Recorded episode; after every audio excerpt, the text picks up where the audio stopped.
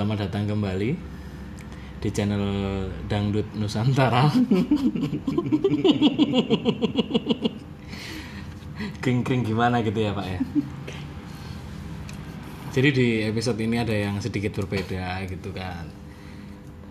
Jadi kita mau membahas tentang yang horor-horor gitu, mumpung malam Jumat gitu kan.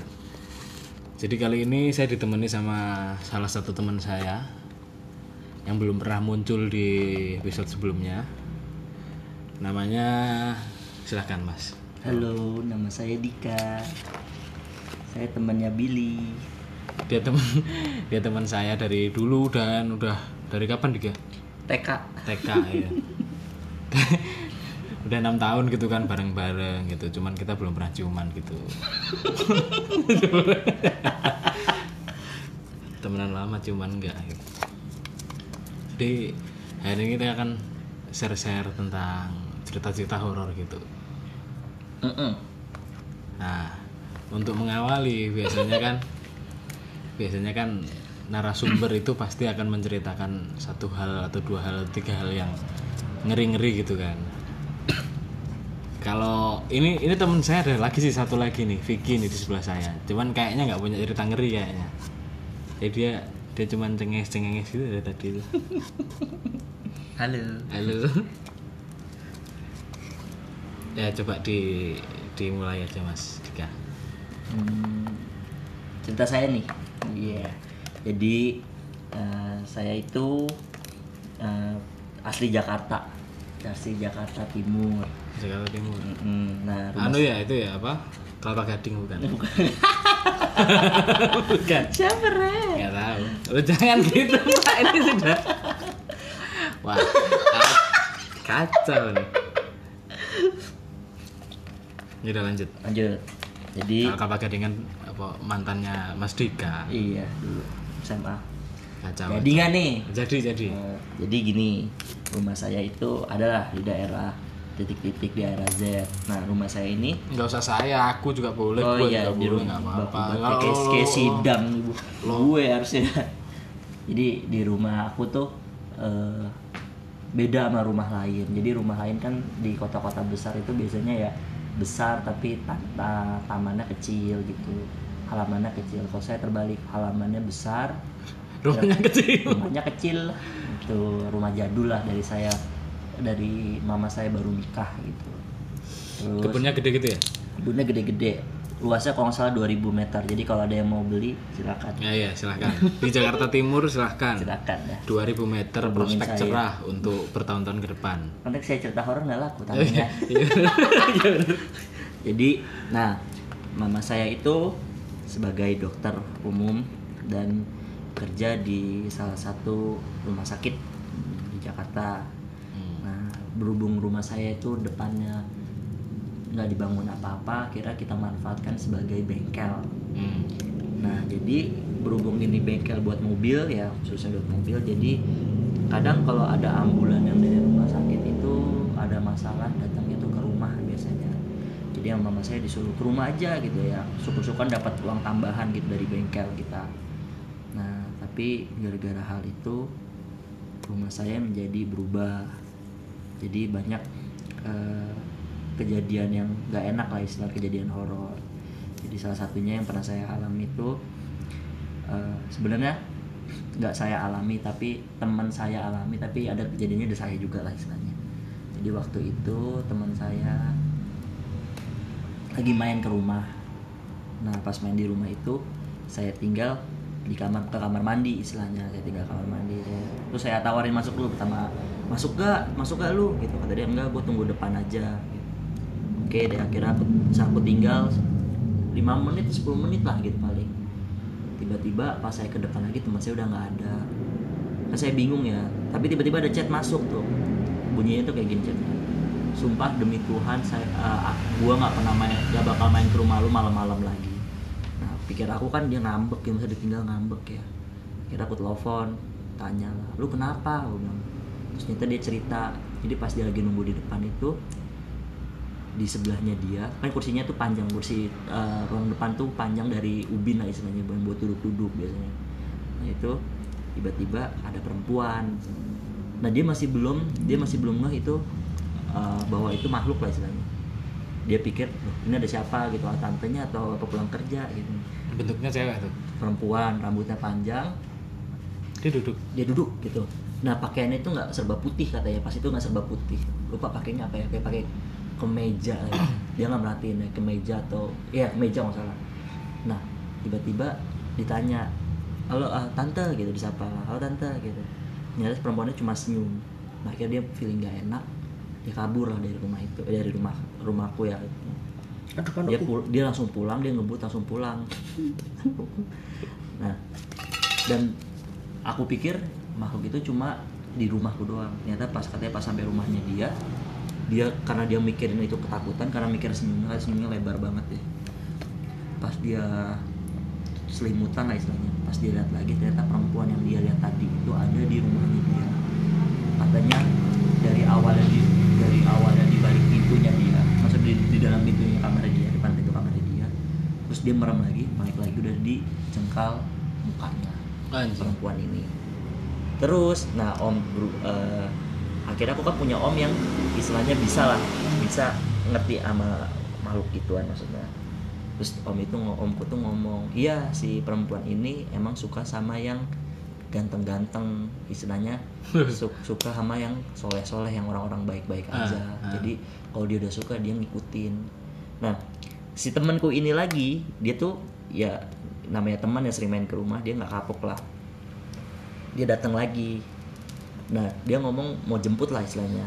Gue jemput ya di rumah ya dia gitu. Dia mungkin lupa sama kejadian itu. Hmm. terus dia jemput ke rumah.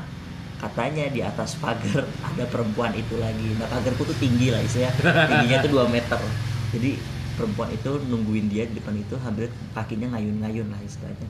Dia kabur lagi ya kira ada itu cerita pertama istilahnya.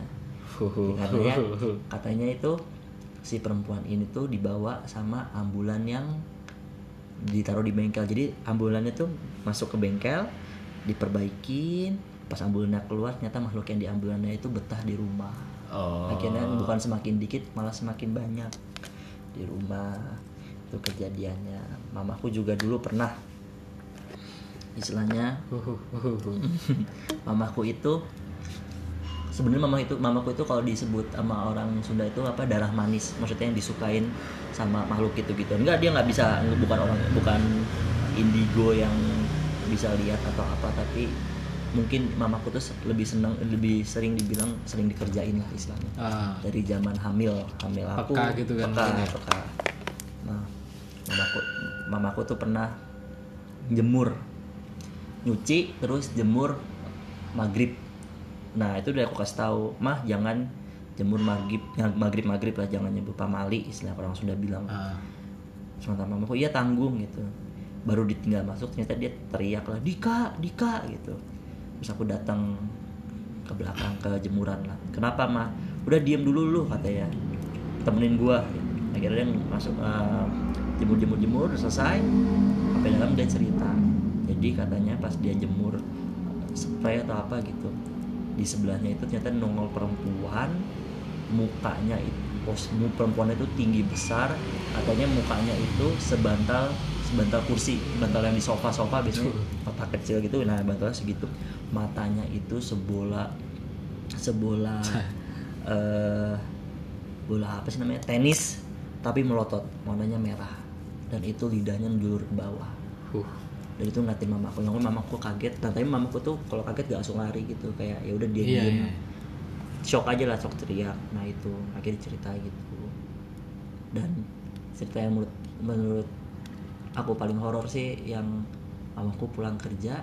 Itu semuanya di rumah itu ya? di rumah itu semua. Di rumah yang tanahnya dua itu. Emang rumahku tuh bagian belakangnya nggak kesentuh. Maksudnya nggak kesentuh lampu karena Ya udah kan dipasang. orangnya juga berapa? Cuma, ah, cuma tiga itu cuma berempat. Rumahku itu cuma berempat aku mamaku kakak adikku. Terus si belakang itu nggak bisa dikasih lampu nggak tahu kenapa kasih lampu mati kasih lampu mati kasih lampu mati. bengkel depan? Bengkel itu depan. Belakang itu ada empang empat kalau nggak salah. Iya empang empat sama kebun. Mamaku suka tanaman jadi banyak kebun sama Hmm. pohon-pohon mangga pohon-pohon besar. Nah yang mamaku ini pernah eh, pulang kerja. Jadi biasanya kalau pulang kerja ngobrol sama anak-anaknya di ruang tamu. Jadi ngumpul lah ngumpul dulu. Hmm. Maghrib mamaku tuh pulang kerja bisa jam 5 atau jam paling lama jam 8 malam lah. Jadi suatu saat dia pernah pulang maghrib jam 5 menjelang maghrib. Ya apa maghrib? Betul pak ya. Terus tiba-tiba masuk assalamualaikum aku bukain pintu. Tiba-tiba nyelonong masuk main masuk aja ke dalam kamar.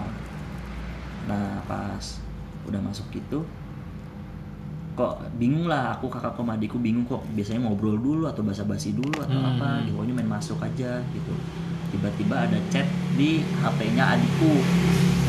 HP-nya adikku. Nah berhubung kakakku sama aku tuh udah besar ya adikku tuh masih kelas 3 SD 2 SD lah lupa. Jadi adikku tuh baca SMS itu ngeja sedangkan kakakku diem terus baca lah gitu. Terus di adikku tuh ngeja Adi, Aija, Adika, Deiyang cepat masuk di luar ada pocong gitu di depan pintu. Tapi pas adikku ngeja itu aku sama kakakku udah kabur duluan karena kita baca cepet dan udah diem baca jadi baca diem terus langsung lari. Terus adikku udah baca gitu gue merinding lagi adikku udah baca gitu adikku nangis lah terus kita lari. Ternyata pas kita lari ke kamar mama mama tuh di pojok sambil ngomong maafin mama mama nggak kuat liat mukanya gitu. jadi katanya mamaku tuh posisinya bener-bener di pintu depan tapi kayaknya dia kehalang nggak bisa masuk tapi bener-bener di pintu depan. Nah kama namanya rumah jadul ya jendelanya tuh gede-gede jendela Ya, gede. ya. nah untungnya alhamdulillah anak-anaknya tuh nggak ada yang ngeliat ke jendela mungkin. Kata mamaku kalau mungkin ngeliat ke jendela ya di situ posisi makhluknya itu di jendela. Jadi kaca, pintu masuknya itu dari kaca bukan itu dari kaca-kacanya. Nah itu itulah rumahku. Jadi alamin itu mungkin dari mamaku hamil kakakku katanya. Sampai terakhir tuh paling horor ya, maksudnya adalah di mana masa rumah itu sangat-sangat horor. Kita sampai nggak bisa tidur satu di kamar masing-masing. Kita ki- tidur di ruang tengah rame-rame dan lampu nyala semua. Itu terakhir aku kelas 3 SMA 3 atau kelas 2 SMA mau ke ketiga. Itu masa-masa horor. Kita sampai manggil orang pinter, kita sampai ngakuin pengajian berapa kali di rumah. Gangguannya tuh uh, muncul-muncul gitu deh. muncul muncul secara fisik ketawa apa enggak dia ngelempar sesuatu? Yang paling yang paling nggak kuat sih ketawa ya ket- ketawa nangis. Nah nangis itu sering tuh. Yang katanya sih kata orang pinternya makhluknya itu nggak bisa masuk ke rumah. Tapi pernah mama ya itu itu. Mamaku mamaku kan delapan bersaudara. Nah Hmm. mamaku tuh sama tiga kakaknya yang perempuan lagi tidur di ruang tengah rame-rame. Itu H plus H plus plus berapa lebaran gitu lupa ya. H plus berapa lebaran. Nah itu pas lagi ngumpul di tengah tiba-tiba ada yang nangis. Aku pikir nah aku pikir tuh yang denger cuma mamaku. Soalnya mamaku kalau denger kayak gituan langsung ngomong innalillahi wa innalillahi rojiun. Nah itu pasti anak-anaknya hafal bahwa mamaku ngalamin sesuatu. Ternyata pas mamaku lagi tidur kebangun ngomong itu innalillahi wa innalillahi rojiun. Terus kakaknya yang cewek itu nyaut lu denger lu denger. Ya gue denger. Kan aku kepo soalnya aku nggak denger tuh nggak tahu kenapa aku nggak denger. Yang denger cuma dua orang itu. Terus kenapa kenapa? Besok siang ya ceritain takut kamu nggak bisa tidur. Ternyata besok, besok itu diceritain ada suara cowok yang didengar itu nangis tapi suaranya itu di dalam rumah. Hmm. jadi nangis. Nah mamaku juga ngeliat fisiknya. Katanya uh, fisiknya itu masih pakai baju putih bukan Oh. bukan bukan bukan pocongan ya baju putih kaos tapi kaosnya udah kena udah coklat coklat tanah gitu. Hmm. Mamaku itu nggak tahu itu siapa di pojok rumah Dia nangis. dia nangis Uh. tapi pas kata mamaku fisiknya tuh eh, eh, fisiknya tuh yang dilihat itu nggak dalam keadaan nangis tapi dia ngeluarin suara suara nangis Apaan tuh? apaan tuh Ban meletus enggak? Trafo ya. rapot apa Trafo itu listrik, tang listrik. Oh kenceng Ya? Apa gerak? apa ya gerak? eh bunyi mobil. Nah gitu. Gitu. Maksudnya sebenarnya banyak banget ya cerita horor yang Oh, bledos ya? mungkin ya. Aduh, kenceng banget cuy yang deg-degan banyak banyak lah cerita horor yang aku ketempelan aku apa itu sebenarnya banyak. Yang nyerupain suara kakakku mamaku sama adikku itu tiga kali lagi manggil. Oh, itu itu aku juga pernah di. Nah Jadi kan waktu SMP, SMP, SMA lah. jadi kan di rumah itu kan cuman ada tiga orang kan. Jadi bapakku belum ke Batam itu masih di Surabaya kan. Bapak sama ibu ini pergi gitu loh. Malam kan biasanya nyari makan gitu kan. Terus aku tuh di kamar aku di kamar sendirian kan. Buka laptop gitu main-main laptop aku ingat main Assassin's Creed itu kalau nggak salah. Hmm. Assassin's Creed kedua ya apa itu? SMA mungkin ya? Iya Hmm, SMA SMA. SMP SMA lah itu. Terus dari samping kanan tuh ada suaranya bapakku gitu. Hmm. gitu. Terus aku kan langsung kaget kan padahal kan bapak ibu kan pergi kan. Hmm. tapi ya tak lanjut terus nggak apa-apa gitu. Kadang-kadang itu suaranya ini suaranya kayak orang ngorok gitu nggak sih? Tapi sekali toh krok gitu tuh. Ha, kayak gitu. Gitu. Iya iya itu sering. terus pernah lagi cuman kalau aku kalau aku ngalaminnya cuman suara sama ini sih sama bentuknya ini orang cuman orangnya tuh orang yang kita kenal gitu Hmm. jadi pernah kan waktu itu aku di depan rumah gitu kan di ruang tamu terus tiba-tiba aku tuh lihat gitu di dalam tuh ibu itu masuk kamar gitu. Hmm.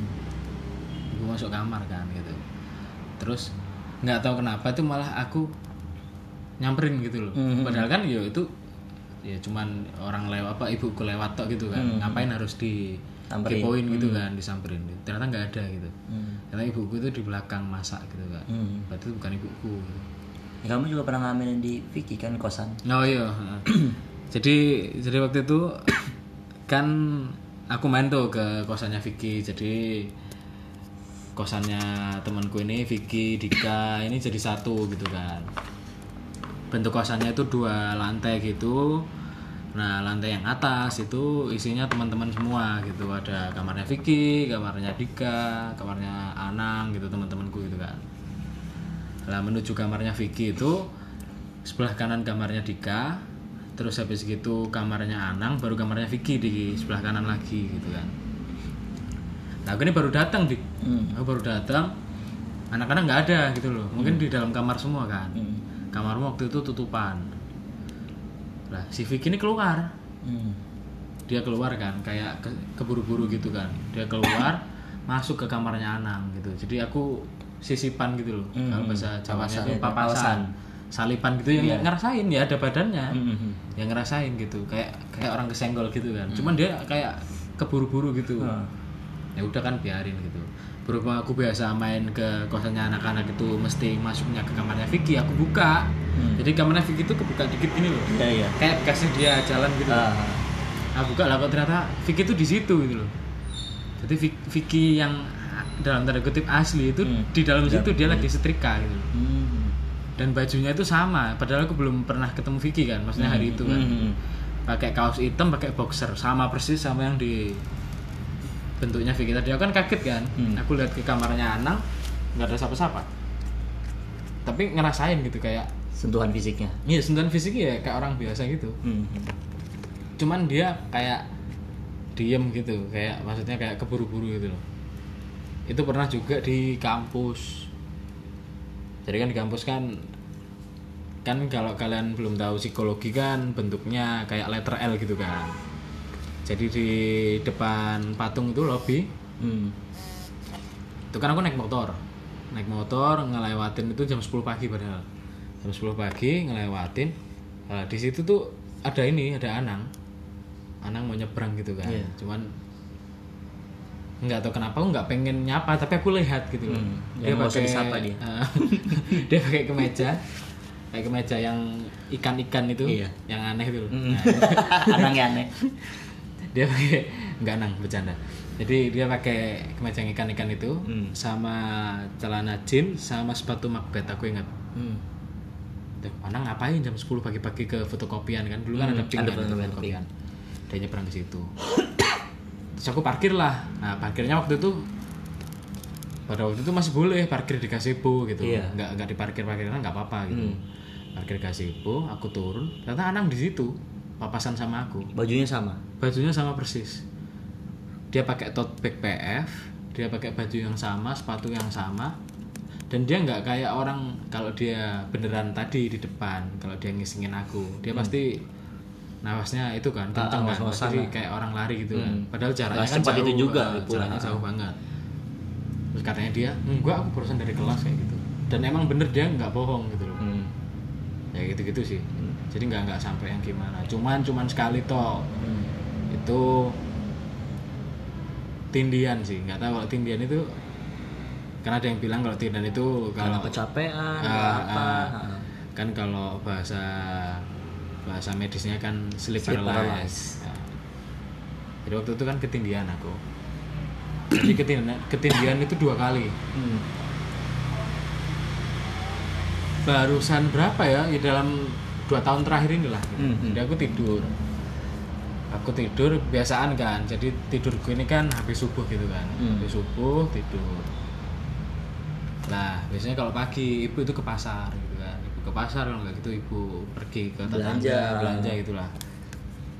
Tapi tindihan gitu loh. Aku udah melek. Eh aku belum melek. Jadi di mimpinya itu aku jalan di belakang. Jadi di belakang rumah itu kan ada jemuran kan. Hmm. Ada jemuran. Nah jemuran pas itu di balik jemuran itu ada kamarnya ibu kan? Iya. di mimpiku tuh aku jalan di jemuran situ terus lihat di dalam kamar Kamarnya itu ada nenek-nenek. Hmm. rambutnya panjang putih gitu. Dia tuh berdiri. Pertama itu nggak lihat aku. Hmm. tapi nggak tahu kenapa kan namanya mimpi kan? Jadi Hmm. terus aku kepo terus dia tuh tiba-tiba noleh aku gitu. Terus baru tuh rasanya kayak tindian gitu. Aku melek cuman nggak bisa ngapa-ngapain. Jadi kayak kesemutan gitu tapi nggak bisa teriak nggak bisa Gerak ibu ibu itu nggak bisa aku nggak bisa lama kan sesak sesak sesak sesak terus akhirnya aku sadar. Terus aku kan takut kan. Hmm. takut aku nyari ibu ternyata masak. Udah beberapa bulan kemudian mimpi lagi. Jadi aku tuh tidur. Hmm. Nah, waktu itu kan ka- kalau susah tidur kan tidur di kamarnya ibu kan. Iya. ibu udah bangun jadi ibu bangun aku baru tidur kan. Hmm. aku tidur lah ibu itu paginya itu ada acara di balai kalau nggak salah Hmm. jadi ibuku ini kan aktif gitu kan aktif di ibu-ibu PKK gitu kan Iya. aku tidur kan aku tidur jam-jam 10-an itu aku itu lah itu itu baru aku nggak tahu ngimpi nggak tahu itu udah bangun Bangun setengah sadar gitu. Nah, jadi aku tuh melek aku melek lihat di sebelah kanan kan ada jendela Hmm. Jendelanya itu langsung tembus ke ini ke jemuran kan Hmm. hmm. nenek yang itu masih ada Merinding. jadi mimpinya sama gitu loh tapi Mhm. neneknya sama Hmm. hmm. jadi dia tuh di di luar sekarang kalau waktu itu Di dalam mimpi kamar? sebelumnya kan dia di kamar aku di luar Hmm. hmm. ini bedanya gitu jadi aku melek dia itu di depan apa jendela rambutnya putih gitu nenek-nenek kalau orang lihat gitu kan pasti kayak diem gitu kan Hmm, hmm. kayak Aku bisa lah ngapa-ngapain nggak gitu bisa kan. ngapa-ngapain ke lu gitu. nggak bisa ngapa-ngapain gitu terus dia itu tembus tembus tembus tembus tembus tembus pas deket itu dia udah berubah jadi pocong cuman rambutnya keluar Oh.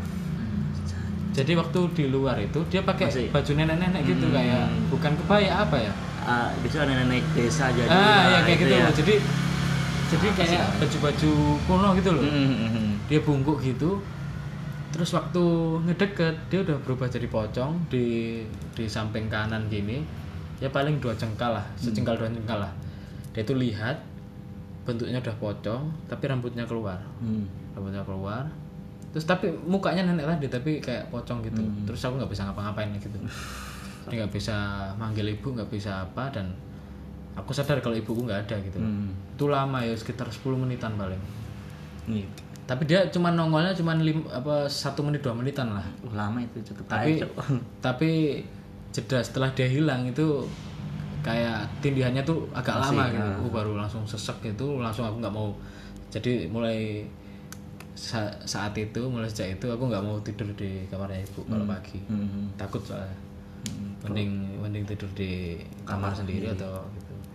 Kalau di kosan juga kosan kita di Vicky itu ya kan kita rame-rame istilah ada Vicky, Anang, Ricky gitu. Nah Ricky ini sama aku ketindihan terus ceritanya. Ricky ini sering pulang ke Bondowoso istilahnya. Hmm. Nah kamar Ricky kan biasanya rapi, nyaman gitu lah istilahnya. Jadi aku tuh kalau kamarku lagi berantakan males beresin, aku suka tidur di kamar Ricky. Hmm. Jadi tidurlah kita. Nah, aku sendiri eh tidurlah aku maksudnya. Oh, Tidur kita aku, siapa nih? Kita nah itu. aku tidur. Nah, kan kasurnya tuh eh, lumayan lebar lah istilahnya. Aku tuh suka tidur miring ngadep ke tembok. Miringnya tuh bukan eh, bukan miring yang ngebungkuk gitu ya tapi miring yang lurus terus. Kayak istilahnya kayak nempel tembok lah. Ah, ah. jadi pas aku lagi tidur eh, nempel tembok gitu. Nah kan ada space di sebelah kanan itu ada space. Aku ya tidur di sebelah kanan ada space karena gara aku miring tidurnya. Nah di sebelah ini aku kerasa ada yang duduk tapi duduknya itu dari kayak orang dari posisi tidur terus keduduk gitu jadi kasurnya goyang Ah. terus aku ngerasa di belakang tuh ada orang karena aku ngeliat di da- aku dalam keadaan tuh setengah Kayak orang sadar bangun terus duduk gitu ya. Mm-mm. Aku kayak setengah sadar ngeliat, ngeliat ke tembok itu ada kayak bayangan. Nggak tahu perempuan, eh, kayak perempuan nih. Soalnya pas aku liatin, aku nggak bisa gerak tuh. Aku saat setengah sadar nggak bisa gerak. Nah yang duduk ini kayaknya nengok ke aku atau gimana. Pokoknya langsung merinding waktu itu, tapi nggak bisa ngapa-ngapain. Tiba-tiba dia ketawa, tapi ketawanya yang bu- bukan ketawa cekikikan atau wah nggak gitu, tapi kayak di ditahan, kayak diempet. Jadi Iya, iya, iya. merinding aku Nah itu lama lumayan lah, lama lama. Aku nggak tahu berapa tapi lama. Dan dia ketahunya tuh kayak bener-bener orang yang eh, duduk di sebelah kita, terus palanya ngedeket ke kuping terus kayak gitu, gitu istilah kayak gitu. Aku merinding, merinding tiba-tiba brek, baru bisa jalan. Akhirnya aku lari ke kamarku sendiri. Nah itu itu an- kalau nggak salah jam 8 malam. Itu aku tidur dari maghrib masalah itu mungkin ya. Hmm. Dengan ada cekikikan gitu akhirnya aku pindah ke kamarku nah aku tuh ditin, di ketindihan kayak gitu perempuan itu ya maksudnya perempuan itu aku nggak tahu sama atau enggak tapi dua kali yang kedua tuh ya gitu lagi aku tidur di kamarnya Anang tapi yang ini kamarnya Anang tidur di kamarnya Anang nah tiba-tiba nah itu aku nggak ketindihan. Untungnya alhamdulillah nggak ketindihan. Jadi tiba-tiba lagi tidur kayak ada yang ngebangunin nggak tiba-tiba melek seger lah. Melek Hmm. tiba-tiba ada yang bunyi perempuan nggak ketawa nggak apa kayak gini hey gitu. Alhamdulillah di kosan tuh lagi ada Dandi. Jadi aku langsung bener-bener lompat ke kamarnya Dandi. Terus kata Dandi apa cok apa cok gitu. Enggak enggak enggak apa-apa enggak apa-apa. Apa apa apa? Akhirnya aku ceritain tadi ada suara perempuan yang hey gitu. Tapi suaranya jelas banget itu ngomong hey. Hmm. eh perempuan. Hey. Itu aku langsung Yaudah nggak- aku sampai sekarang nggak belum berani tidur di saya nggak berani tidur di kamarnya Ricky sendiri. Saya aku ya ke kamar Ricky cuma laptopan habis itu aku tidur di kamarku lagi. Hmm. soalnya aku ngerasa yang aman ya di alhamdulillah di kamarku sendiri. Nah, itu kalau di kosan. Kalau di rumah itu yang nyerupain ya. Jadi rumahku kan aku kan dulu sempat pesantren kelas 5 SD ya 5 SD di pesantren di daerah Pondok Gede. Sama kakakku berdua. Nah adikku itu masih bayi jadi masih eh, ya masih kecil lah masih kecil masih kecil. Nah jadi omku itu oh, jauh lah dari oh nggak tinggalnya tuh jauh. Datang ke rumah datang ke rumah jam dia nggak sadar tuh hal malam Jumat jam sekitar, sekitar jam setengah 12 jam 12 malam. Hmm. Nah katanya nah kan kalau malam itu eh, biasanya kalau keluarga paham lah nggak ngetok pintu depan karena pintu depan tuh jauh dari kamarnya mamaku. Jadi ke, ke rada ke belakang rada ke dapur dan ngetok pintu dapur biasanya. Iya, nah, mamaku yang denger di situ biasanya. Jadi pas Soalnya kan posisi kamar sama ruang depan tuh ruang jauh, depan jauh. Hmm, sama dapur lumayan deket. Terus pas dia ke belakang dia katanya ngelihat aku sama kakakku Huh. lagi lari-larian ketawa-tawa ketawa itu kayak ketawa anak kecil yang hahaha kayak main ya terus disapa lo Aija Dedika gitu ya kalau masih main jam segini ayo pulang-pulang masuk rumah gitu bukannya malah nyamperin anak katanya dilihat itu yang bentuknya aku sama kakakku itu malah lari ke daerah Empang kolam kolam Empang tuh besar banget itu ya malah menjauh dari rumah malah berarti. menjauh dari rumah. Nah di belakang tuh empang yang nggak ada lampunya. Terus omku tuh bingung, kok nih anak-anak malah ke empang malam-malam kan gelap gitu nggak ada lampu. Disamperin lah sama uh, omku, sama uakku lah orang Sudan. Terus dek ayo ah masuk gitu, ayo ayo, ini uak juga bawa martabak gitu. Terus dia masih ketawa-tawa anaknya. Tiba-tiba yang dilihat itu langsung nyebur ke empang dua-duanya Anjing. belum gitu terus omku astagfirullahalazim ini kan malam Jumat ya terus ruang-ruangnya bunga dia ngelihat jam omku tuh berani langsung gedor gedor rumah santai gitulah terus ceritain lah ke mamaku terus kata mamaku lah ah, Oton tuh nggak tahu kan Ai- Aija sama Dedika di dari pesantren sekarang. Kan nggak pesantren nggak boleh keluar keluar iya saya baru gue baru ingat katanya gitu. Dan itu katanya ngeliat bener-bener lucu ingat ketawa-tawa ketawanya mirip. Nah, nah ternyata pas nyebur empang gitu. Nah itu tuh rumah. Soalnya kalau digambarin rumahku itu bener-bener halaman luas rumahnya tuh di titik tuh titik di tengah benar-benar di tengah. Udah sisanya kanan kiri depan belakang itu empang. Eh eh, taman eh, taman yang pohon mangganya besar pohon nangka pohon nanas gitu gitulah istilahnya. Kebun lah ya. Kebun lah istilahnya. Mamaku soal seneng banget soalnya kayak gitu. Nah itu yang enggak ke jangkau. Ah, Maksudnya jarang mamaku juga namanya orang isi cuma empat dan mamaku kerja kan jadi ya belakang tuh nggak pernah ke jamah. Kita jamah mungkin kalau siang-siang nongkrong di situ ngobrol-ngobrol tapi sisanya nggak ke jamah. Uh, uh, rumahku. uh, uh. pokoknya banyak ya istilahnya yang eh, pernah juga tuh. Jadi rumahku itu an- perbatasan antara komplek dan kampung. Hmm. kampung. Nah di atas itu kampung. Jadi pernah kita lagi pengen beli ketoprak di sana malam-malam. Jam 10 mungkin. Nah pas kita beli ketoprak tuh ada yang kesurupan warga. Kita kan kepo ya. Kenapa kenapa? Terus ini kesurupan bu gitu. Terus dia teriak-teriak kamu dari mana? Ditanya ada orang pinternya kayaknya. Kamu dari mana? Kamu dari kamu siapa? Gitu dia ketawa-tawa terus kamu dari mana? Itu aku eh, saya eh, aku dari pohon mangga besar gitu. Terus warga tuh ngomong mau pohon mangga mana? Di sini nggak ada pohon mangga gitu. Ada itu yang di rumah yang tanahnya besar gitu. Terus mama aku sama aku diem. Itu kan rumah kita makanya. Kan yang punya pohon mangga besar cuma kita gitu. Terus aku, iya deh yaudah nggak usah beli ketoprak pulang deh akhirnya. Itu lagi horor-horornya itu lagi horor-horornya. Kita pulang biasa kalau jadi berarti dia gangguin juga ke orang lain ke orang ya? lain. ke tetangga ke juga tetangga gitu. katanya. Uh, yang orang bisa lihat katanya saking penuhnya saking penuhnya makhluk di rumahku itu itu sampai makhluknya itu terbang di langit-langit. Karena buat untuk buat dia mendarat atau dia itu nggak bisa. Sampai ke Wow. genteng sampai ke di atas empang sampai di daga itu di taman-taman jemuran. Itu itu kenapa mamaku akhirnya kita memutuskan untuk pindah ke Jogja. Di rumah itu sekarang emang ada yang jaga tapi ya gitulah masih seperti itu. Nah gitu. Kita ngumpul ke rumah cuma pas lebaran. Nah itu rumah Jakarta. Kalau di tengah kota tengah komplek kami masih seperti itu istilahnya. Soalnya itu juga mungkin ya apa? Karena terlalu luas. Terus kan nah kan kalau makhluk astral gitu kan katanya sukanya kan di tempat yang gelap. Tempat gelap lembab juga. Tempat, terus gak ada orang gitu kan? Nggak ada orang. Cuman orang empat gitu. Iya. Dan katanya sih nggak bisa masuk ke rumah karena kak- rumah itu kan pemberian dari almarhum kakekku. Kakek dari bapak dari mama. Kakekku dari mama. Lah. kita mam kakek itu asli Banten. Banten. Hmm. jadi dia itu katanya orang Banten itu punya pegangan biasanya berupa macan putih gitu katanya. Ya ya kita kita Islam kita nggak kita eh, keluarga aku nggak nggak percaya sama gitu gituan maksudnya nggak nggak nyembah gitu gituan nggak ny- nyajian gitu gituan nggak. Tapi emang tanaman istilah ditanam di rumah. Jadi pas almarhum kakekku meninggal jadi dipesanin anak-anaknya itu delapan anaknya itu mamaku dan kakak-kakaknya itu. Mamaku kan bungsu.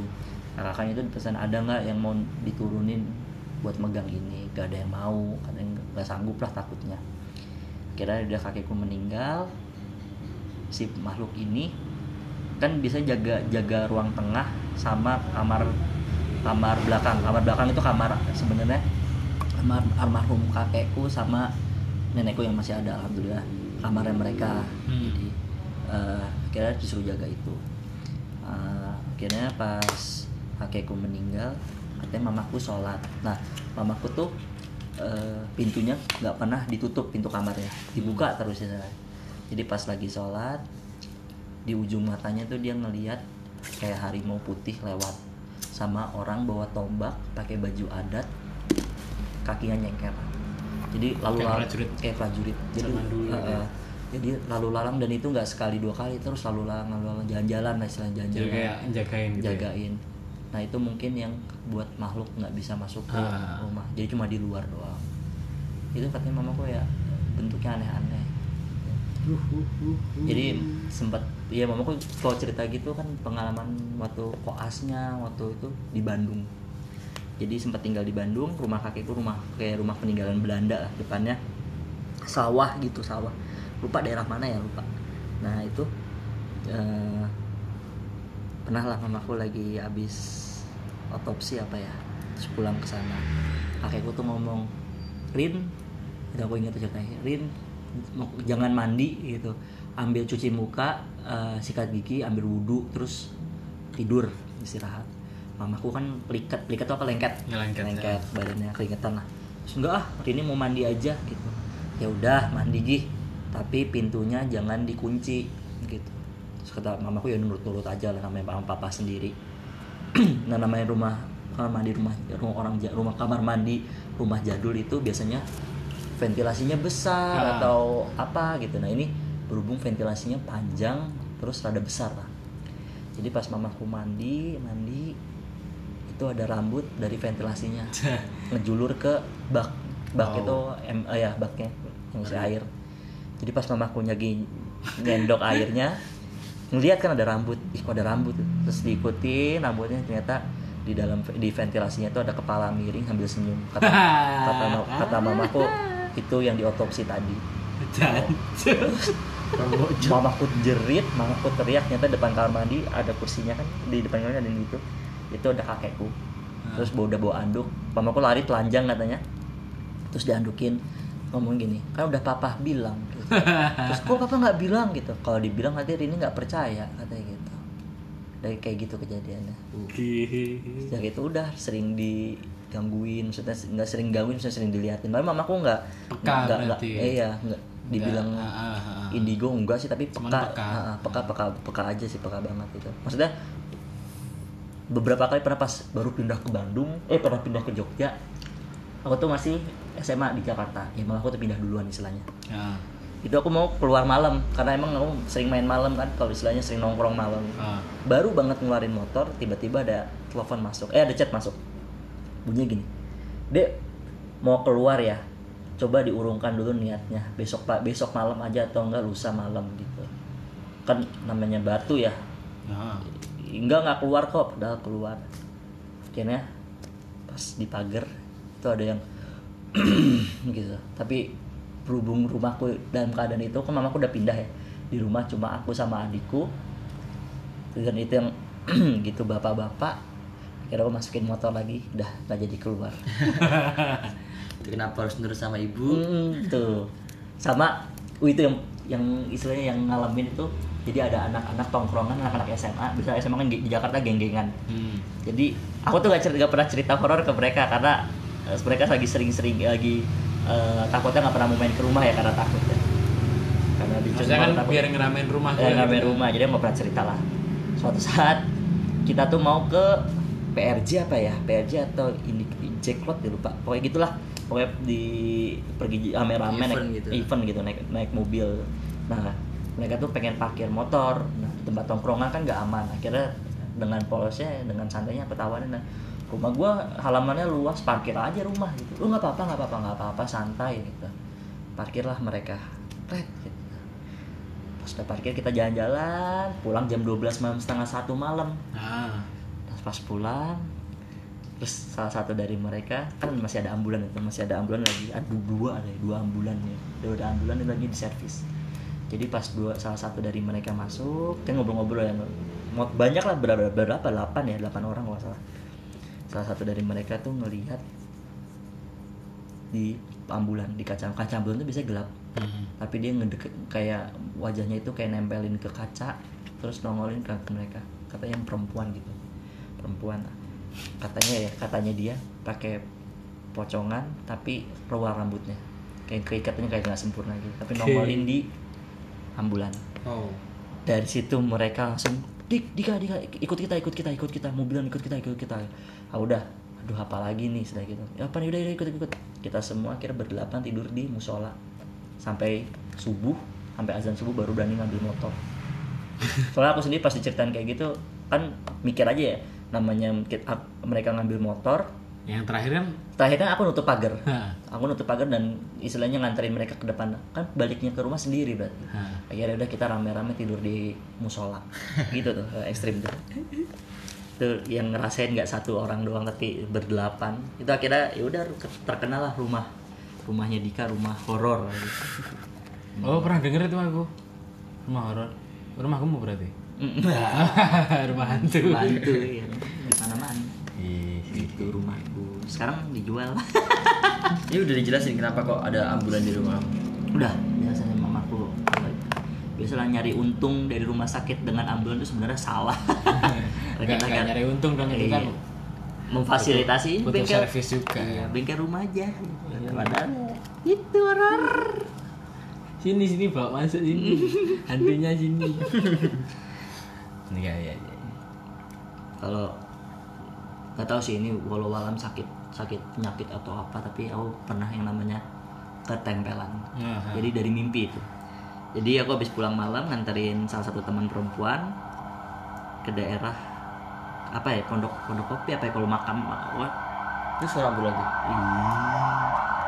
nah di di daerah aku pondok pondok kopi atau pondok bambu gitu itu ada makam besar lah istilahnya nah itu makam makam kakek lah nah, aku lah nganterin lewat situ terus pulang nah pas tidurnya itu aku langsung tidur lah saya nggak nggak nggak budu nggak apa nggak mandi pokoknya tidur capek soalnya tiba-tiba di dalam mimpi itu mimpinya tuh di kamarku di dalam mimpi tuh aku di kamar terus tiba-tiba di jendela kamar tuh ada yang aku kan gitu ya aku kok tidur jendela yang di kamarku ke arah kebun itu nggak pernah aku tutup karena panas jadi aku buka aja buka gitu cuma aku tutup pakai gorden tapi jendelanya kebuka istilahnya. Hmm.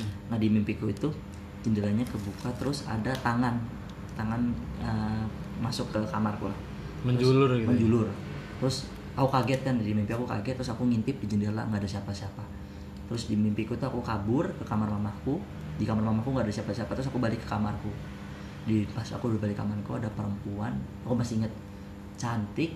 Waktu itu aku kelas 1 SMA dia mungkin seumuran sama aku.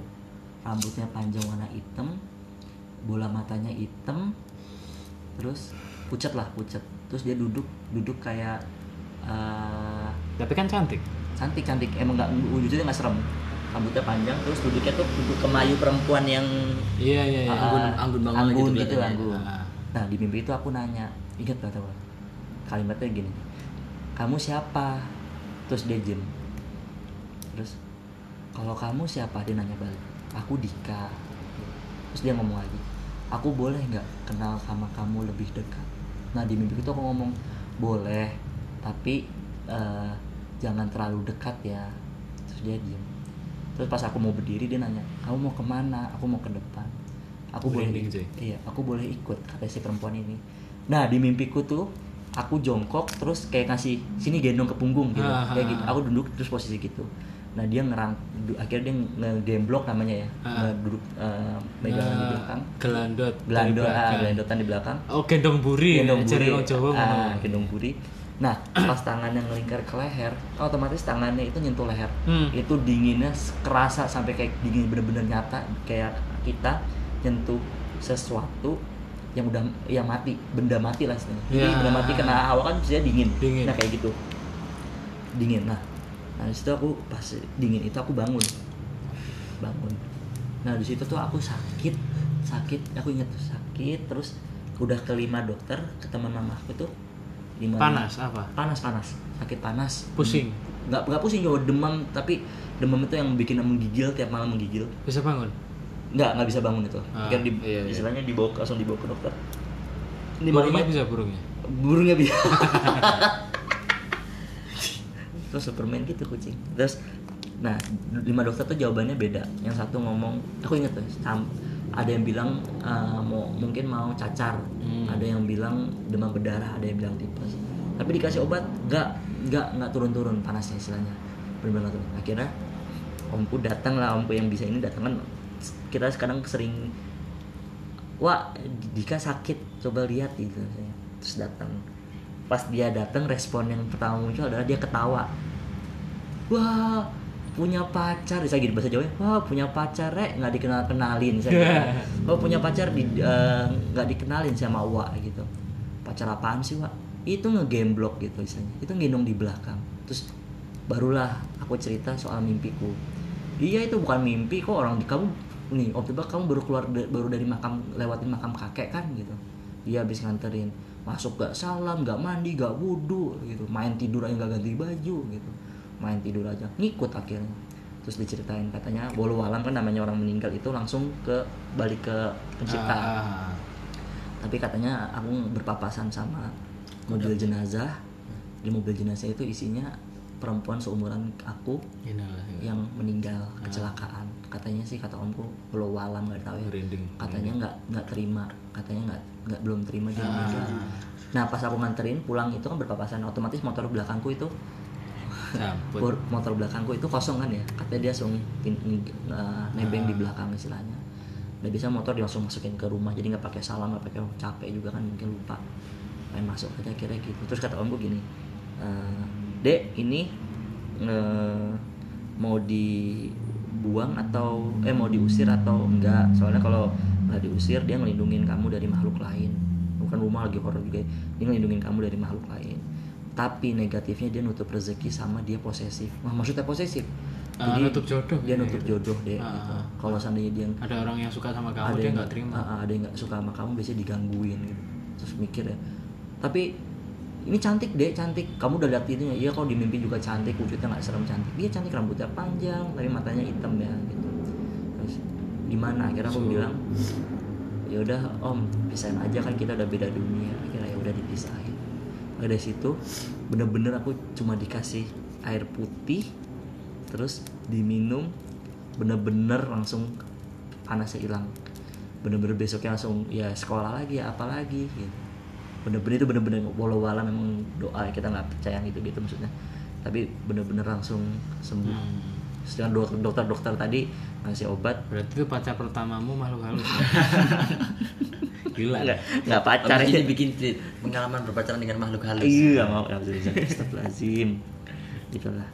Tapi ya kalimatnya sampai detik ini inget yang aku boleh kenal kamu nggak? Nah, kayak ini kalau kamu nginget-nginget biasanya. Dateng. Dateng. iya. Mau bisa dikit lah itulah ya kan sudah beda dunia, mungkin dia juga iya udah kenal kenal lah gitu sebenarnya banyak gitu kisah horor hmm. tapi Jadi si Dika ini emang mungkin turunan mungkin ya. Jadi kan kakekmu kayak gitu, terus kakekku mamaku terus mamamu peka, terus ya gitu. Mm-mm. Jadi makhluk halus itu lebih suka sama orang yang peka gitu mungkin ya. Mm-mm. kalau di Sunda suka ngomong sih. manis Ah, manis Ya, apa itu? Tertarik lah Tertarik. Hmm. lebih nyaman memunculkan wujudnya di orang-orang seperti kita yang disukai gitu. Eh, kita Ah, aku dan mamaku mamaku aja udah yang mau aku Kitanya dia itu Dika sama mamanya. Oh, iya. gitu lah Jadi terima kasih teman-teman pendengar setia podcast Dangdut Nusantara. Sampai berjumpa lagi di episode berikutnya. Salam dadah misteri. Au, au, au. Gak meow.